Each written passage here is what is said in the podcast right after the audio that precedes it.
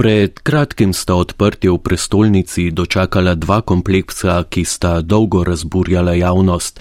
Predvsej prahu sta pravzaprav dvigovala tudi njuna predhodnika. Ob tem se je v javnosti še bolj kot prej začelo razmišljati o gentrifikaciji in prevladujočih interesih kapitala. Ljubljana pri tem ni osamljen primer, podobno se dogaja ostalim zgodovinskim mestom v Evropi.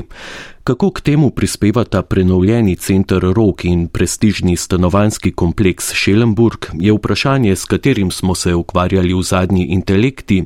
V nedeljski reportaži pa bomo pobliže spoznali eno izmed omenjenih novosti. Kompleks Šelenburg, ki ga je, da, ki ga je obiskala Darja Pograjc, pa tudi zgodovino prostora, ki ga ta kompleks zdaj zaseda. thank you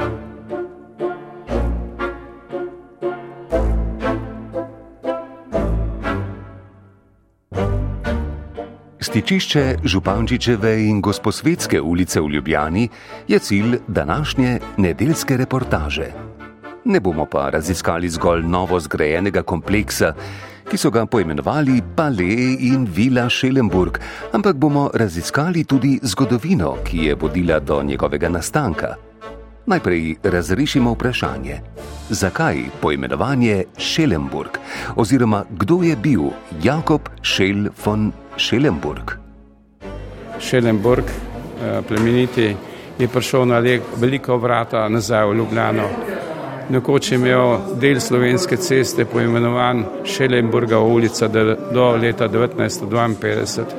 Danes je tudi cel projekt oziroma ta rezidenčni objekt imenovan Šelenburg in seveda glede na to, da je bil to eden absolutno največjih mecenov vseh časov mesta Ljubljana in države Kranske, da si to zaslužil. Razloži podjetnik in investitor projekta Jože Anderlič. Vesel sem, da po 175 letih tlake pod zemljo lahko stojim na soncu. Je napis, ki ga preberemo na temeljnem kamnu nekdanjega Kolizeja, ki zdaj stoji na ozelenelem dvorišču pred vhodom v Palais Schellenburg. V glavno avlo vstopimo skozi velika dvokrilna vrata. Bleščeči lestenci, verzi toneta pavčka v slovenščini, nemščini in angliščini, na prav tako bleščečih kamnitih tleh, na eni izmed sten luksuzne avle pa velika reprodukcija umetnine, ki jo sicer hranijo v Narodnem muzeju in prikazuje nekdani kolizej.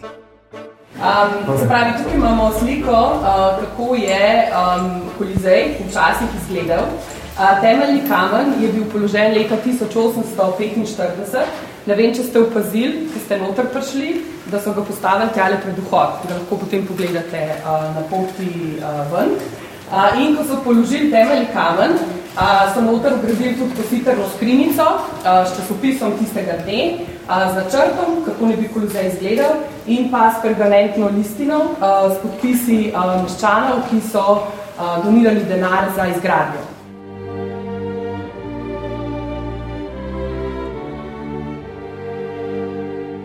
Ampak stopimo korak nazaj. Redna profesorica, dr. Metoda Kemperl z oddelka za likovno pedagogiko na Pedagoški fakulteti Univerze v Ljubljani je avtorica znanstvene monografije, ki bo išla naslednje leto in obravnava kolizej od njegovih začetkov pa do današnjega Šelenburga. Zato jo vprašamo, kakšno je bilo to območje, pridn je van posegla prva lopata. Torej, na tem mestu je bila ogromna gramoznica. In sicer ob cesti, ki je z Ljubljane vodila skozi Šiško proti Gorenski proti Celovcu. Okrog te gramoznice, oziroma okrog današnje Gosposvetske ceste, ni bilo nobenih stavb, torej gre za en skrajni rob, a ne tega kapucinskega predmestja. In ta del se je imenoval Novi svet in je do leta 1914 sodil pod občino Šiška. No, ta sredina 19. stoletja, ko pa je nastal Kolizej, je bil pa čas, ko so se skozi Ljubljano premikale e, vojske, torej avstrijska vojska, ki je hodila večkrat v severno Italijo zaradi osamosvojitve, torej to so te tako imenovane e, italijanske vojne.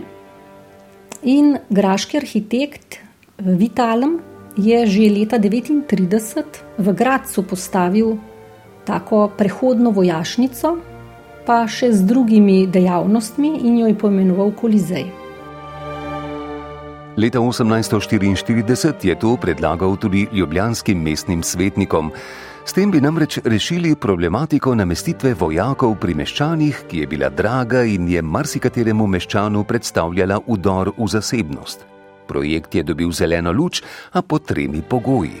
Prvi: zasutje gramoznice, drugi: stavba mora ohraniti svoj osnovni namen, to je vojaška nastanitev, in tretji: gradnja prostorov za jahalno šolo.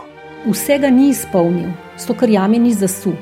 In zato je bila ta stavba potem dosti problematična, bila je zelo vlažna, ni bila dobra za bivanje. In o tem so potem mestni svetniki že po parih desetletjih veliko razpravljali. Sicer pa je bilo to ogromno poslopje, večnamensko poslopje, ki se je razprostiralo na skoraj 10.000 km2. E, torej, poleg sob za vojake sta bile tukaj dve dvorani, potem je Vitalem, potem ko je župan Hradecki umrl, je spremenil načrt in je proti gosposedski cesti zgradil večja stanovanja, za, za to, da jih je potem oddajal in pa torej gostilno, pekarno in kavarno, ki jo je dajal tudi v najem, želel si je pridobiti uh, Dunajske kavarnarje uh, in pa seveda veliko publike, pa prirejal je seveda tudi plese v teh dvoranah. Sicer pa to vemo samo za prva leta, že po, v bistvu po požaru, ki ga bomo še omenili, pa pravzaprav nimamo več nekih podatkov o tem, kaj vse se je znotraj sploh dogajalo. Tako gradnja Šelemburga kot tudi Kolizeja sta potekali hitro. Temeljne kamne slednjega so postavili že zadnjega maja leta 1845. In že naslednje leto jeseni so en del te velike stavbe že odprli. Ampak tako kot je gradnja potekala hitro, je pa tudi prvo nesrečo oziroma prvi požar stavbo doživela zelo hitro, še preden je bila do konca zgrajena. Tako je. Eh, Vitalem je sicer za vsako etapo, ko jo je sezidal, je organiziral slavnostno odprtje in prireditve, ampak že decembra leta 1847 je stavbo eh, zelo poškodoval požar. In že tedaj je Janez Blajvajs izrazil željo, da bi obnova potekala z ognjevarnimi elementi, ker namreč stavba je bila iz opeke in pa lesena. E, to je bila prva velika nesreča, potem e, so to obnovili, e, potem pa je leta 1895 stavbo zelo razrehljal ta veliki ljubljanski potres, potem pa konec druge svetovne vojne pride do eksplozije v območju dvoran, to so potem sanirali v 60-ih letih. No, na zadnje pa leta 1995 zaradi nestrokovnih posegov se poruši del stavbe po celotni višini. Takrat je bilo uničenih šest stanovanj, nažalost so trije ljudje tudi umrli. Lahko um, točno določimo neko letnico, datum, kdaj se pravzaprav začne propad. Propad te stavbe se je pravzaprav začel zelo hitro, že približno 15 let potem, ko je bila postavljena torej kmalo po letu 1860. Namreč stavba je bila zelo slabo grajena in ni več ustrezala novim standardom novega vojaškega zakona. In tudi kot zabavišče se niti ni prijela, ker, kot sem rekla, nimamo nekih dokazov o tem, kaj se je sploh noter dogajalo.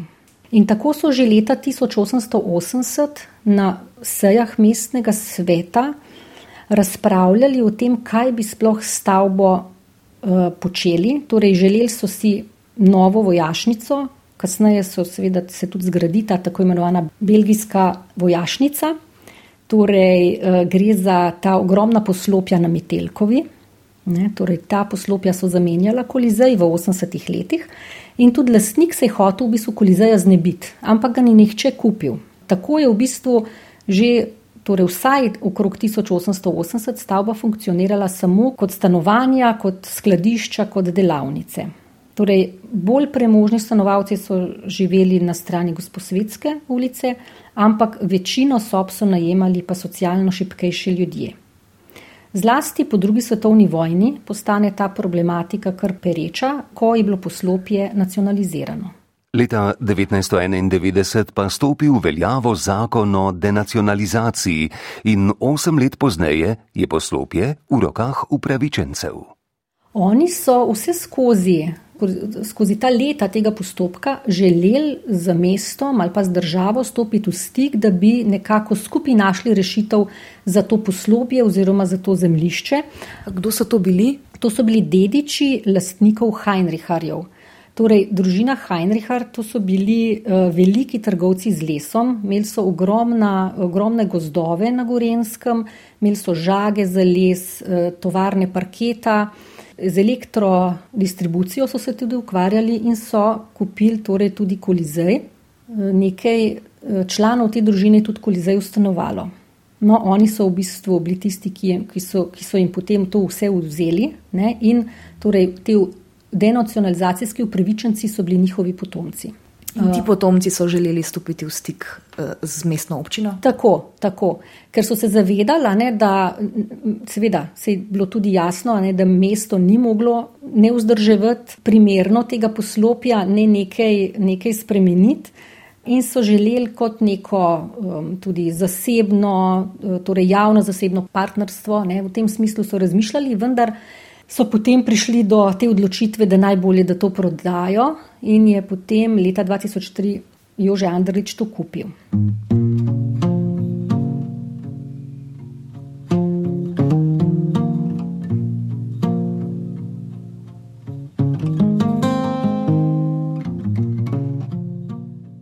Proti koncu um, so bili tukaj noter nameščeni predvsem revnejši prebivalci um, mesta, nekako uh, ni bilo financ, um, da bi celostno obnavljali kolizej, uh, tako da je v bistvu um, bil v precej, precej propadnem stanju, dokler ga ni potem leta 2003 gospod Juže Andrej Leč odkupil. Uh, tisto zgodbo zdaj, zdajšnjega časa pa verjetno ni tako si poznamo, ne? ker uh, se je kar dosti pisalo uh, spomeniško varstvo, kdaj se lahko porušba, ne. Um, se pravi, leta 2011 so ga uspeli, um, so dobili dovoljenje in je bil porušen.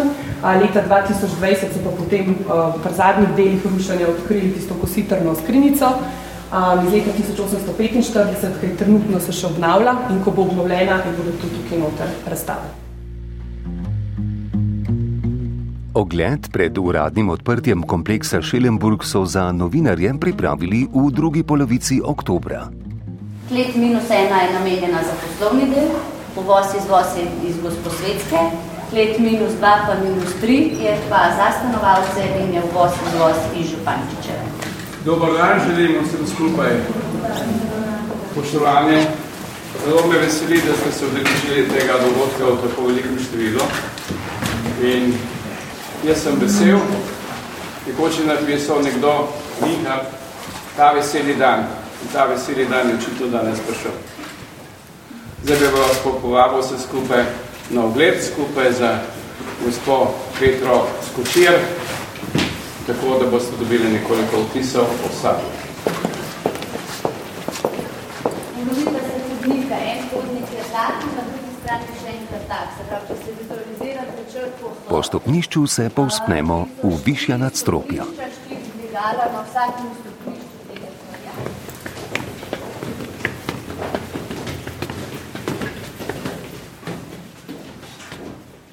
Se pravi, zdaj smo na enem stopnišču, eden od štirih. Um, vsako stopnišče ima v bistvu zelo omejeno število stanovanj. Tukaj, kot vidite, so samo štiri stanovanja. Čisto vsako stanovanje ima portal iz Emperador Kamna, ima že noter umeščene predpražnike. Uh, se pravi, ta kamen del, ki je po tleh, je portugalski peščanjak, je enako kot fasada vile in detajle iz Emperador Kamna imajo. Vrata so ojkosova vrata, so protivlomna, požarno varna in zvočno izolirana. Se pravi, kar se lahko prijete noter, so oblečena v evropski macesen. Se pravi, to, kar zdaj vidite, je dejansko končni izdelek, ki ga stranka dobi, ki ga kupi. Vstopimo v delno opremljeno stanovanje z urejeno osnovno razsvetljavo, parketom oljenega hrasta, vrati italijanskega in okni avstrijskega proizvajalca. 170 kvadratnih metrov notranje površine dopolni 12 kvadratnih metrov zunanje lože. Pa je velikost stanovanja, kako je nekako, kakšno stanovanje prodaja? Kaj se skriva za fasadami peščenih barov? Najmanjša stanovanja, ki so na voljo, pove sogovornica, merijo dobrih 60 kvadratov in stanejo 637 tisoč evrov. Najbolj luksuzni pa so penthausi na vrhu stavb z več kot 300 kvadratnimi metri površine. Od šestih je prodanih pet, cena pa 4,2 milijona evrov bruto. Skupnih prostorov, naprimer fitnesa ali bazena, ni. Skupaj šestih je bilo. Kakšna je cena za penthouse? 4,2 bruto.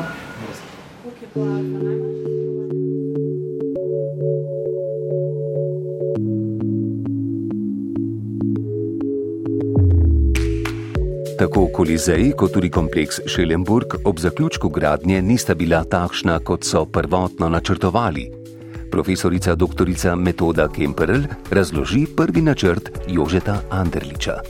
Torej, on je pa imel res močno vizijo, da bi ob vstopu Slovenije v Evropsko unijo v prestolnici zgradil neko ikonično sodobno stavbo. Torej, da bi tudi Ljubljana postala prepoznavna po sodobni arhitekturi, kot sta recimo Bilbao z Guggenheimovim muzejem ali pa Gradec recimo z Kunsthaus. In tako si je zamislil operno koncertno dvorano s 1700 sedeži. V kompleksu bi bil pa še hotel, bila bi stanovanja in bili bi poslovni prostori. Te vizije Jože Anderlič ni izpolnil. Ja, torej on je leta 2004 naredil mednarodni arhitekturni natečaj, povabil je takrat same res uveljavljene arhitekte iz Evrope, iz Amerike. In komisija je izbrala en projekt, ki je bil torej kar precej visok, potem je, so to znižali na torej, te stolpe na višino 75 metrov, torej to je višina recimo stolpnic na torej, iskrove stolpnice, ne? kar se je zdelo torej tedaj spremljivo. Vendar problem je bil pa v tem, da je kolizej, stari kolizej bil zaščiten in da ga konzervatorji niso pustili podreti. Vendar je to tekom teh let, ko si je gospod Andrlič prizadeval za ta projekt, je stopil v veljavo še en zakon, da če se podre kulturno dediščino, da lahko pride do nekega, nekega denarnega vložka, neke zamenjave. Ne? In tako so potem leta 2011 kolizej res podarili. Takrat ni bilo konec zgodbe, konzervatori niso niti potem dovolili se zidati tako visoke stavbe. Zato je v bistvu za nekaj časa opustil ta projekt, potem se je leta 2019 tega projekta spet lotil. Torej, bil je zelo omejen na višino, torej to je višina delovskega doma, ki stoji zraven. In tako pravzaprav smo dobili to, kar danes vidimo, ne, kompleks Palais in Vila Šelenburg, ki pa seveda nima operne koncertne dvorane, namreč pri tako nizki stavbi seveda ni bilo moč ukomponirati še take dvorane um, znotraj tega kompleksa. Tako je danes ta kompleks, torej en del namenjen stanovanjem, en del pa poslovnim prostorom. Podjetnik Jože Anderlič pravi, da se podobnega projekta ne bi več lotil. Od nakupa kolizeja do danes je namreč minilo 20 let. Ob zaključku projekta je povedal. No, jaz mislim, da so ljubljančani, da bodo ponosni na to vrstno stavbo, se bi bili v vsakem mestu. Ne? To je prvič, drugič, da bo seveda je en lep doprinos k novi podobi Ljubljane, ki je nastala v zadnjih 20 letih, tudi po zaslugi župane in podžupana, ki sta to mesto preoblikovala iz recimo, podeželskega mesta, mesteca v prestolnico. In kaj je tisto, kar recimo tu predstavlja luksus? No, v vsakem primeru je prvo uporabljeni materiali in estetski izgled. Lahko uporabiš sicer drage materijale, ampak če ni estetike, potem to ni luksus. Ne. Pa predvsem uporabnost. Brez funkcije ne rabimo lepote, niti dragih materijalov. Kaj pa recimo vaš komentar arhitekture oziroma izgleda novega kompleksa? Um, kaj bi rekli? Ja, zdaj, ta kompleks je tak, kot je v predpisanih gabaritih lahko nastal. Uh, zdi pa se mi, da se kar dobro oblikovno prilega recimo Dukičovim blokom s temi uh, mehkimi krivinami, uh, pa tudi sama vila, ki sicer ima tak zelo dragocen izgled, ker je cela v takem zelo svetlem marmorju. Torej, ta dragocena zunanjščina zelo sodi v to tako imenovano vilsko četrt. Jaz mislim, da bi mesto gotovo imelo več od prejšnjega projekta, ne, stolpi v višini 75 metrov. Torej, v njem je bila načrtovana operno-koncertna dvorana, ki je še danes potrebna v Ljubljani. Torej, če bi bila sezidanja, verjetno ne bi imeli te obupno drage obnove in prizidka opere, pa tudi verjetno bi bil rešen problem festivala Ljubljana in šole za oblikovanje in fotografijo. In tudi v teh precej višjih stolpnicah bi živelo več ljudi, ki bi seveda mestu plačevali davke. Seveda pa tudi ta eh, kompleks ima veliko dodano vrednost, sploh je seveda precej bolj kot tista jama, ki smo jo gledali skoraj deset let.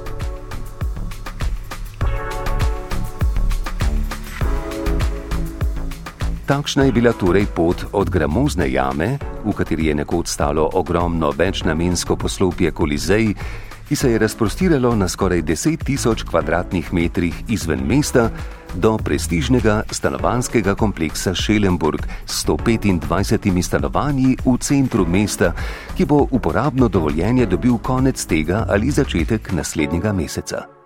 Na zgodovinsko in dejansko pot po njegovih preteklih in zdajšnjih sledeh smo se odpravili tonska mojstrica Klara Otorepec, napovedovalec Igor Velše in avtorica oddaje Darja Pograjc. Oddaji lahko spet prisluhnete na prvi.rtvslo.si ali jo poiščete med podcasti prvega programa Radia Slovenija.